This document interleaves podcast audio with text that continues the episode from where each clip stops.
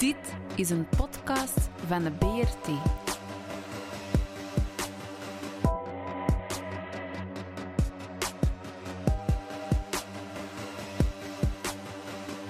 De Brabantse radio- en kleurentelevisie. Welkom bij Brasserie Brabant en welkom in het tweede deel van de podcast met als onderwerp Is Antwerpen nog een Brabantse stad? Terug bij mij zijn uit Noord-Brabant onze volkszanger en dialectspreker eh, Ramon. Dag Ramon. Goeiedag, Christophe. En ook nog steeds bij ons onze rasversteller en de breugelkenner en geschiedeniskenner Rudiger Wouters. Dag Rudiger. Dag Christophe, dag Ramon. Hallo.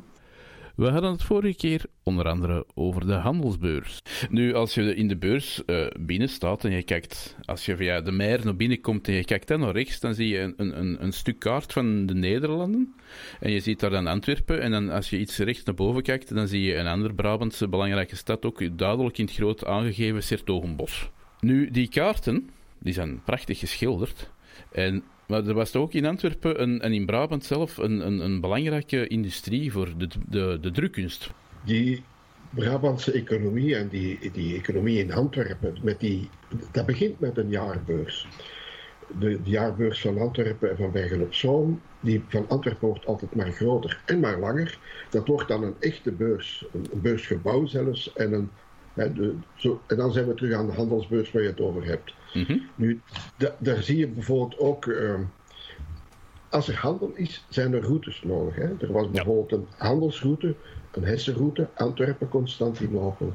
Er is een Via Brabantia die door Duitsland richting Oekraïne gaat. Je had de Schelde die het noorden van Europa verbond met het zuiden van Europa. Allemaal belangrijke dingen. Dus er, was een soort eh, ja, de spin in het web effect Ja. die, die beursactiviteiten, dat brengt geld mee. En geld brengt welstand. Dus men, men wil dat ook laten, laten zien en men wil ook genieten. En dan krijg je een golf van, van kunstliefhebbers. Dat is trouwens ook een, een heel boeiende, boeiende evolutie. Tot, tot dan wordt alle kunst ook meer gemaakt in opdracht van kerken en van adel. Je hebt een kerkgebouw en daar wil je een beeld of een kruisbeeld hangen of een retabel. Of je bent van adel en je wil een, een, een wandtapijt aan de muur voor de, tegen de kou. En dat mag liefst ook nog mooi zijn en status uitstralen. En je wil ook nog een schilderij van, van, een, van je, je dochter laten maken. Zodat als, je, als ze moet eh, een, een huwelijkspartner zoeken, dat men dat kan zien. Hè. Dus Ja. dat is tot aan de kunst. Maar op dat moment ontstaat er in plaats van een vraag gedreven kunst, een aanbod gedreven kunst. Kunstenaars beginnen werken te maken en zetten die in een winkel klaar. Hè, au quatre vents, in de vier winden. De, de, eigenlijk, ik noem dat ongeveer de eerste kunsthandel eh, die, er, die er bestaat. Hè, die is daar dan in Antwerpen. En daar vind je schilderijen en prenten en zo verder die je kan kopen.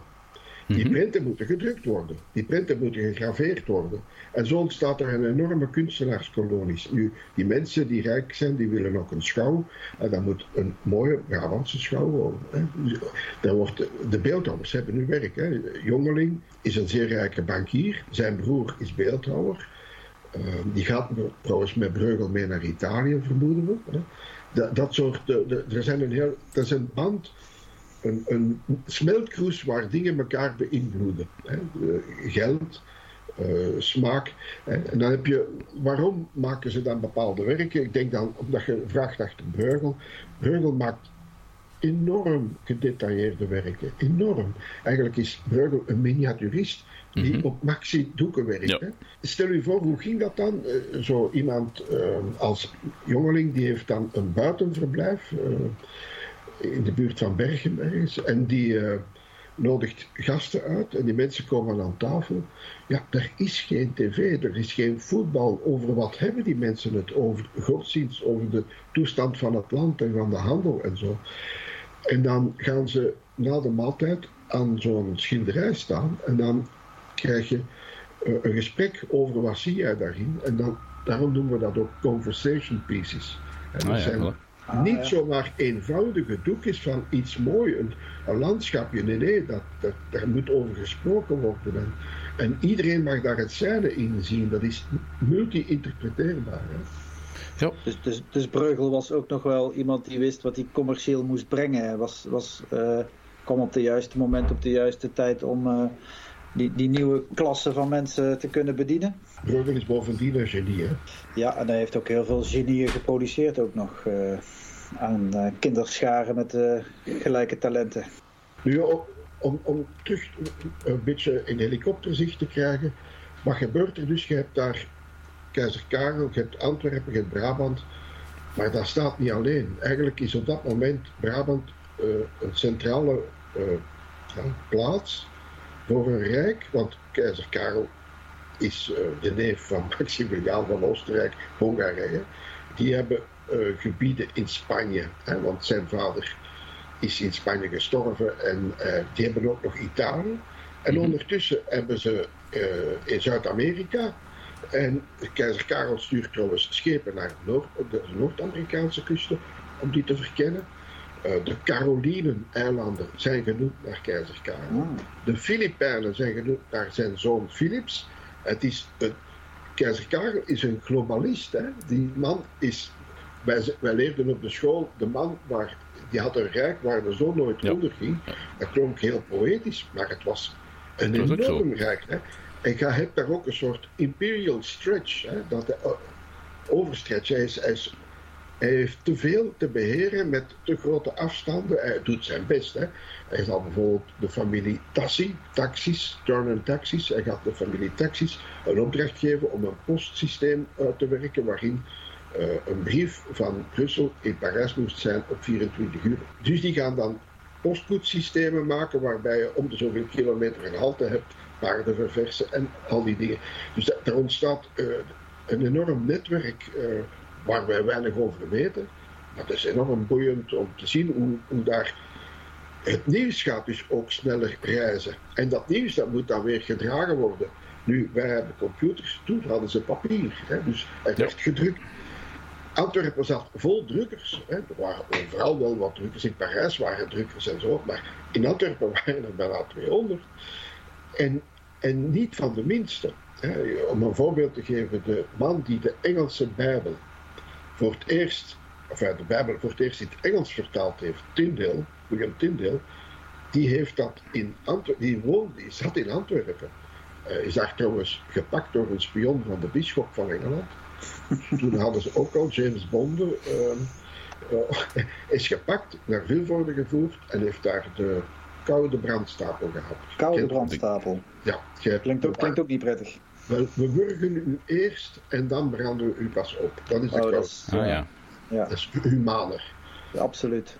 Mocht niet gedrukt worden, werd wel in Antwerpen gedrukt en werd in de lading, in tonnen, in, onder de lading naar Engeland vervoerd en clandestien binnengebracht. Ja, Ka- keizer Karel wilde dat wel niet, maar liet eigenlijk Antwerpen toch nog redelijk rust. En in Antwerpen hadden ze een soort beleid van hoe kunnen we, het, kunnen we ervoor zorgen dat het niet eh, de spuigaten uitloopt. Je had, er was ook een soort vrijheid van denken. Je had Anabaptisten, je had eh, eh, protestanten, Lutheranen, dus je had de Calvinisten, die veel militanter waren en die eigenlijk gewapende hand de macht wilden nemen. En, en totaal, hè, dus, ja, en zo verder. Ja, je had de, loodgieter, eh, had, Alois had zijn eigen godsdienst ontwikkeld. We hadden het Huis van der Liefde. Eh dat waren een soort humanisten, mensen die gestudeerd hadden en verstand hadden. En die eigenlijk zeiden van, we gaan niet, niet echt een godsdienst, een soort stijl van, we blijven redelijk en humanist. We komen er niet te veel voor uit en we proberen het verstand te laten zegenvieren. Ja. Maar Dat wordt ook redelijk eh, centraal behandeld in, in het boek van Jeroen Olieslagers, waar dat we Ja. het er straks over hadden. En Ja. in zijn boek zie je ook hoe dat het eigenlijk tot, tot eh, overdruk komt en de boel toch nog ontploft eigenlijk. Ja, dat is een heel proces geweest. Ik wil even, even nog toch wel zeggen, dus onderschat niet wat hier gebeurde. Hè? Dus eh, wat je bij, trouwens in Jeroen zijn boek ook mooi uitgelegd vindt, is de rol van, van wetenschap. Hè? Mhm. Galen Vesalius gehad, Ortelius bijvoorbeeld. Ortels, hè, een man die, die kaarten in samenwerking trouwens met Mercator kaarten maakte, inkleurde. Uh, en die ook voor de eerste atlas zorgde van zeekaarten. In Ja. opdracht van, van een reder. Eh, een reder met 100 schepen. En daarvan is de kleindochter getrouwd met Oliver Cromwell in Engeland. Die daar de, de macht genomen heeft. Ik bedoel, waren, dat, dat was een soort ja, onderhuidse beweging die altijd maar groeide. Ik, ga terug naar dat beeld van die vulkaan. Er broeide, er groeide, het, het, ja, het giste. Mhm. Hè, ondertussen hadden die mensen, zagen de, de Portugezen met suiker aankomen. Ja, zij willen dat zelf. Dus ze gaan zelf naar de Canarische eilanden om daar plantages te doen. Nu, de Portugezen zijn gewoon naar Brazilië gegaan. Daar hadden ze zeer veel ruimte om nog meer suikerriet hè, en Cuba. Maar eh, dat ging tamelijk ver. Er is op een bepaald moment iemand zelfs met een vloot naar, naar de Canarische eilanden gegaan om die te nemen. Hij wilde zich heer van de Canarische eilanden noemen. En Een handelaar hè, uit Antwerpen. Dat is eigenlijk een redelijk onbekende geschiedenis, denk ik, voor, voor de meesten. Dat, dat, ik zou het bijna het, het, het vroeg-koloniale verleden van, eh, van. Brabant, of, of misschien zelfs tegenwoordig België, te, te noemen. Ik, ik, ik ben altijd opgevoed met eh, dat, waar de Nederlanders sterk in waren natuurlijk, of Noord-Nederland met eh, de Surinaamse geschiedenis, Indonesië en dat soort zaken. Maar ik heb hier weinig weet van. dat de Filipijnen van Philips komen, vind ik een, dat vind ik een mooie les. Dat wist ik niet. Dat kwam door de suikerriet, neem ik aan, toch? Dat, dat zal eh, de, de concurrentie met de, met de Portugezen. Ja. Ja, die concurrentie, bijvoorbeeld de Portugezen vaarden op eh, Afrika en brachten dan paradijszaad mee. Een, een heel lekker kruid dat we niet meer kennen, maar dat werd hier gebruikt om uw eten te kruiden voor er peper was. Uit het Verre Oosten. En het is een beetje pikant en je kan het malen en eh, het geeft smaak aan uw eten.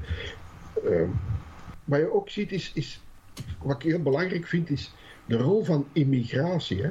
Antwerpen was een smeltkroes Ja. van talen en culturen. Hè. De Portugezen kwamen naar hier, ze brachten eh, rozijnen mee, ze brachten kaneel mee. Eh, wij eten bij onze bakkers in Brabant nog, vinden wij nog vaak een bolus, een ronde koek met, met rozijnen in. Dat bolus is het Portugese woord voor koekje. Er kwamen Joden naar hier uit Spanje. Die, dat noemden we dan de Maranen. ma- eh, Noemden ze in Spanje de Maranen. Die werden door onder andere trouwens keizer Karel en zo verdreven. Die werden verplicht zich te, te bekeren tot het katholicisme. Die deden dat dan om het leven te, te behouden. Hè. Maar ze werden daar nog niet vertrouwd. Hè. Een verplicht bekeerde, ja, is dat wel echt.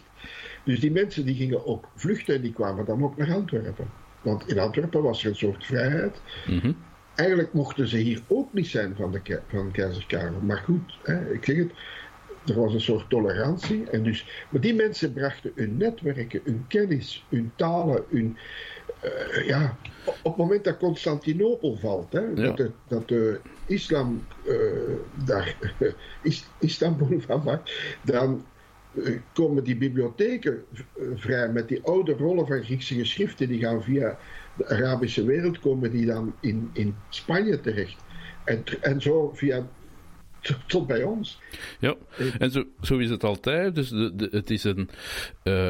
Antwerpen en Brabant is dan een smeltkroes van, van culturen en ideeën. En een gevolg daarvan is een, is een explosie van, van cultuur en van kunst en van verrijking en van, van vooruitgang. Het is niet ondanks, maar dankzij voor een groot deel. Dat, we- dat, dat er bepaalde kunststromingen zijn, zijn. Dat we nu. We kunnen daar nog lering uit trekken, denk ik, voor de huidige periode en de huidige tijd. Zeker en vast. Absoluut. Het is, het, is, het is onwaarschijnlijk ook wat de werkstelling dat dat deed. Hè. Ja. Eh, bijvoorbeeld, in, ik, zeg het, ik heb al gezegd, je hebt de as, Gerardsbergen, Brussel, Mechelen, Antwerpen als productie. Nu, wandtapijten werden er gemaakt. Ik weet niet of u een idee hebt hoeveel uur eh, een, maand werk om een handoppervlak te maken of zo. Ik bedoel, is ontiegelijk veel werk om dat te maken. Maar je hebt mensen die die wol moeten toeleveren, die die kleurstoffen moeten maken. Dus, dus op een bepaald moment is een tiende van de Brusselse actieve bevolking bezig met gobelinproductie. Ja. dat, is, dat, zijn, dat zijn enorme tewerkstellingscijfers. Hè? Absoluut. Ja. In, in Mechelen, in de Antwerpse straat van het centrum richting Antwerpen, zitten meer dan 60 kunstenaars.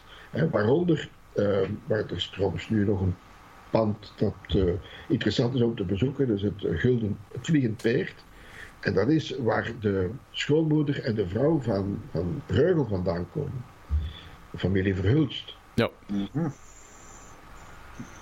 Dus de uh, verschillende mensen trokken naar, naar Brabant. Uh, eigenlijk omdat het hier veel vrijer was. Dus de, de gedachten in Brabant waren eigenlijk vrijer dan in de rest.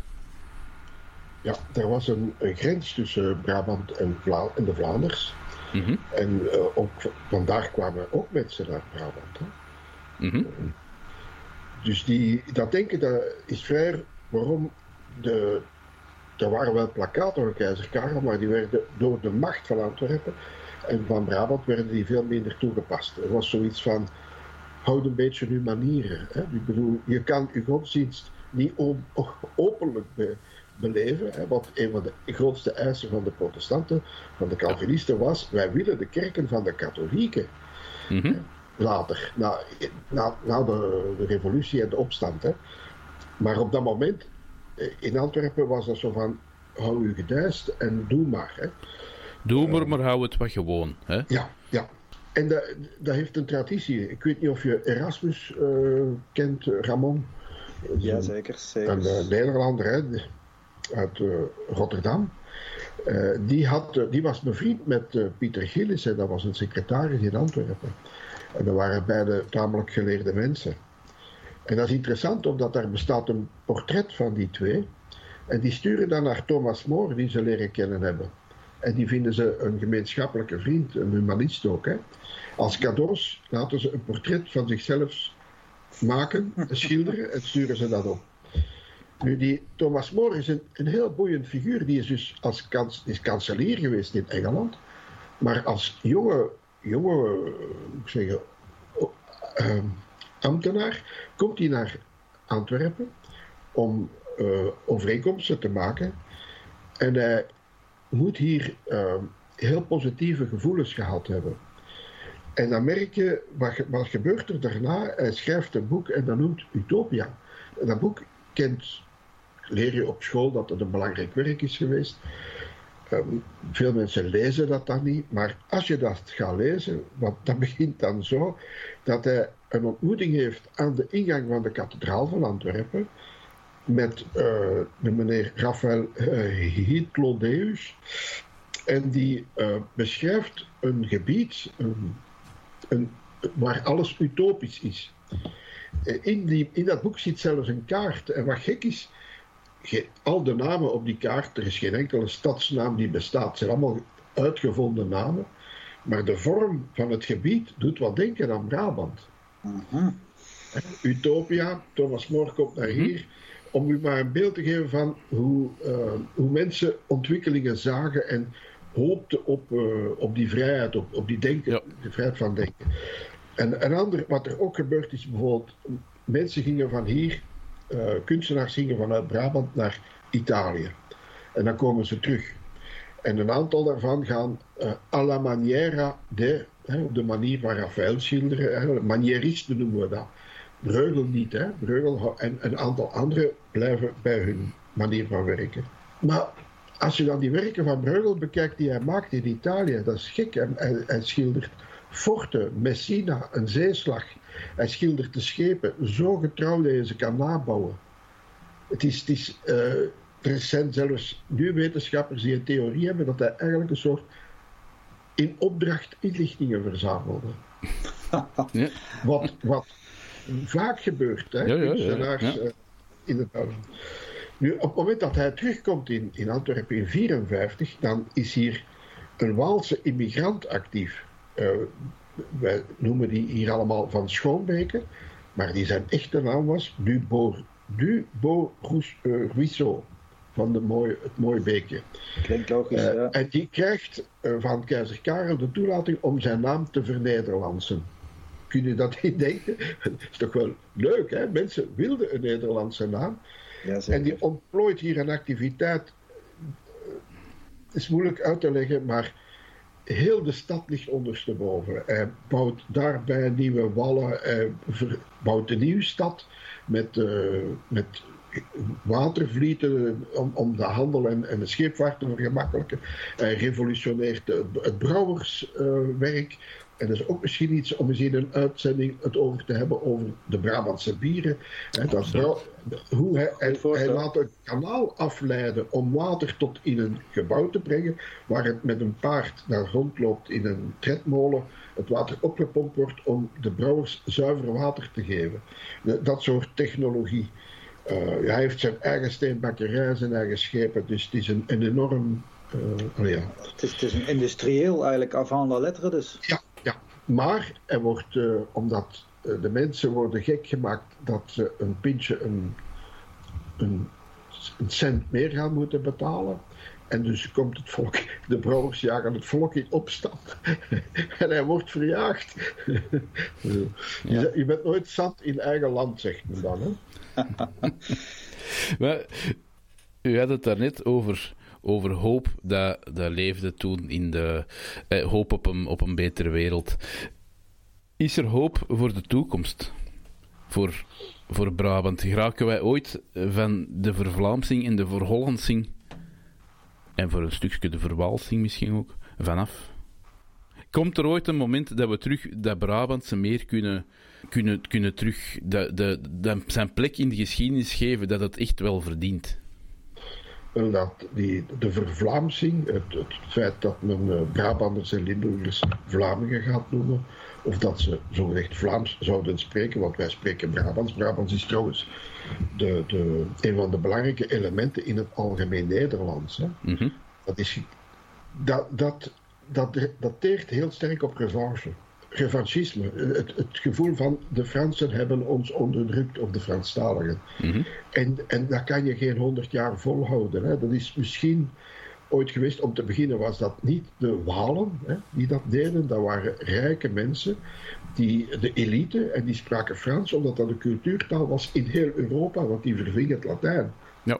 Als je, als je eh, contacten wilde hebben in Europa, moest je Frans spreken. Dus als dat revanchisme wat uitsterft en we kunnen meer uh, Belgen, Nederlanders uit eigen kracht, uh, Brabanders bedoel ik in Nederland, op eigen kracht werken, uit eigen vertrouwen in eigen mogelijkheden, dan heb je dat niet meer nodig, dat revanchisme. En dan kan je, en trouwens, wij zijn daar nu aan bezig om duidelijk te maken dat wij Brabanders zijn, geen Vlamingen, en dat wij Brabants of Nederlands spreken. Ik, heb dat ook altijd heel, heel apart gevonden. Kijk, in Nederland heb je nog een Noord-Brabant, waardoor mensen enigszins een beeld hebben bij wat Brabanders zijn. Mm Dat is dat natuurlijk een deel van de geschiedenis. Maar in België heb je natuurlijk Vlaams-Brabant, wat een uh, contradictio in terminus zou zijn als we dit uh, met, met deze kennis van vandaag. Dat zou, uh, we, we, zouden kunnen streven naar een, naar een naamsverandering. de de schijn toch is, al, is alvast volledig voor. dat dacht ik al, Christophe. Ik, uh, ik pleit heel, ik wil hier, ik, wil u bedanken om, om uh, hier te mogen spreken. Ik wil, ik wil u uitnodigen om mee te werken, om uh, ervoor te zorgen dat er een definitie komt van een Brabantse gouden eeuw. Zowel in handel als in cultuur, economie, kunsten. Die periode 1480, 1500 tot voorbij 1600, hè, want mhm. Rubens werkte daarna nog, die kunst is niet stilgevallen. Maar die eeuw, die heeft, daar heeft Brabant recht op een naam, Brabantse Gouden Eeuw. Ik denk dat dat ook een motor kan zijn van Brabants bewustzijn. Mm Ja. Zeker, zeker. Dus uh, we kunnen op zijn minst zeggen dat Antwerpen een Brabantse stad is. En sterker nog, we zouden de Brabantse Gouden Eeuw weer in zijn uh, volheid uh, bekend moeten maken bij, uh, eigenlijk bij iedereen. Hè? Ja, maar ik vind een belangrijk detail, en een belangrijk, detail is het niet, maar een belangrijk feit dat we daarbij niet uit het oog mogen verliezen, is dat die, die, um, dat Brabantse plaats dat we terug willen geven aan Brabanders, dat dat niks met revanchisme of zo te maken heeft. Ik bedoel, wij hebben niks tegen Vlamingen, wij hebben niks tegen Hollanders, wij hebben niks tegen, tegen onze buren, maar wij willen wel onze, onze, onze, de, de geschiedenis die Brabant heeft, terug zijn, zijn welverdiende plek geven dat ze verdient. En wij willen niet in diezelfde uh, schuldvraag van het is de deen en de deen, het is allemaal de schuld van... Daar doen we niet aan mee. Ik bedoel, Brabant is Brabant. Er is niks Vlaams, niks Waals en Hollands aan, maar dat wil niet zeggen dat Vlamingen slecht zijn. Of Hollanders, of, of weet ik veel wie. Dat lijkt mij een, uh, een, hoopvolle boodschap voor de toekomst. En uh, laten we daar in deze podcasts nog zeer vaak bij stilstaan, Christophe. Absoluut. Nee, dat, dat, zijn onze buren. Net zoals de Franstalige. Uh, we, willen goede contacten met al onze buren. Hè? Dat is trouwens de kracht van Brabant is meertaligheid, is begrip, is openstaan voor. Dat is net hetgeen dat, dat Brabant gemaakt heeft tot wat het geworden is. Het is net dankzij die kruisbestuiving en dankzij die verschillende invloeden en dankzij die, die, die smeltkroes van culturen dat, dat we geworden zijn tot wat we geworden zijn. En terugkeren naar een, naar een, een verleden dat nooit bestaan heeft, gelijk de, Vlaming, de Vlaamse, in het Vlaamse gewest wordt, wordt, ge, de, de, wordt een deel van geschiedenis toegeëigend die eigenlijk nooit bestaan heeft. Daar gaan we niet aan meedoen. Ik bedoel, de, de geschiedenis die we hebben is interessant en rijk genoeg om ze te behouden gelijk dat ze is. We moeten niet iets verzinnen, we moeten niet dingen gaan liggen veranderen. Ze is boeiend en, en, en, en, en, en goed genoeg gelijk dat ze is. Voilà. We zijn het eens. Voilà. Absoluut. En ik denk dan dat we hiermee deze aflevering kunnen afronden. Misschien nog een laatste vraag aan Rudiger.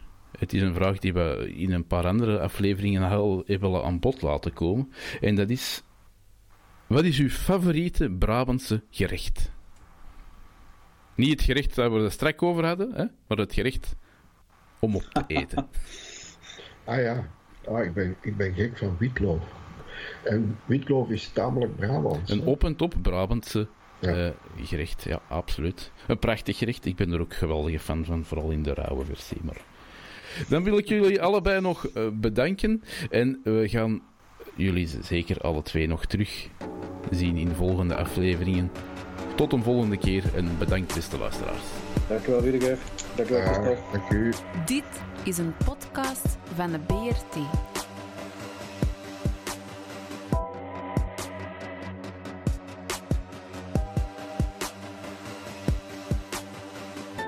De Brabantse radio- en kleurentelevisie.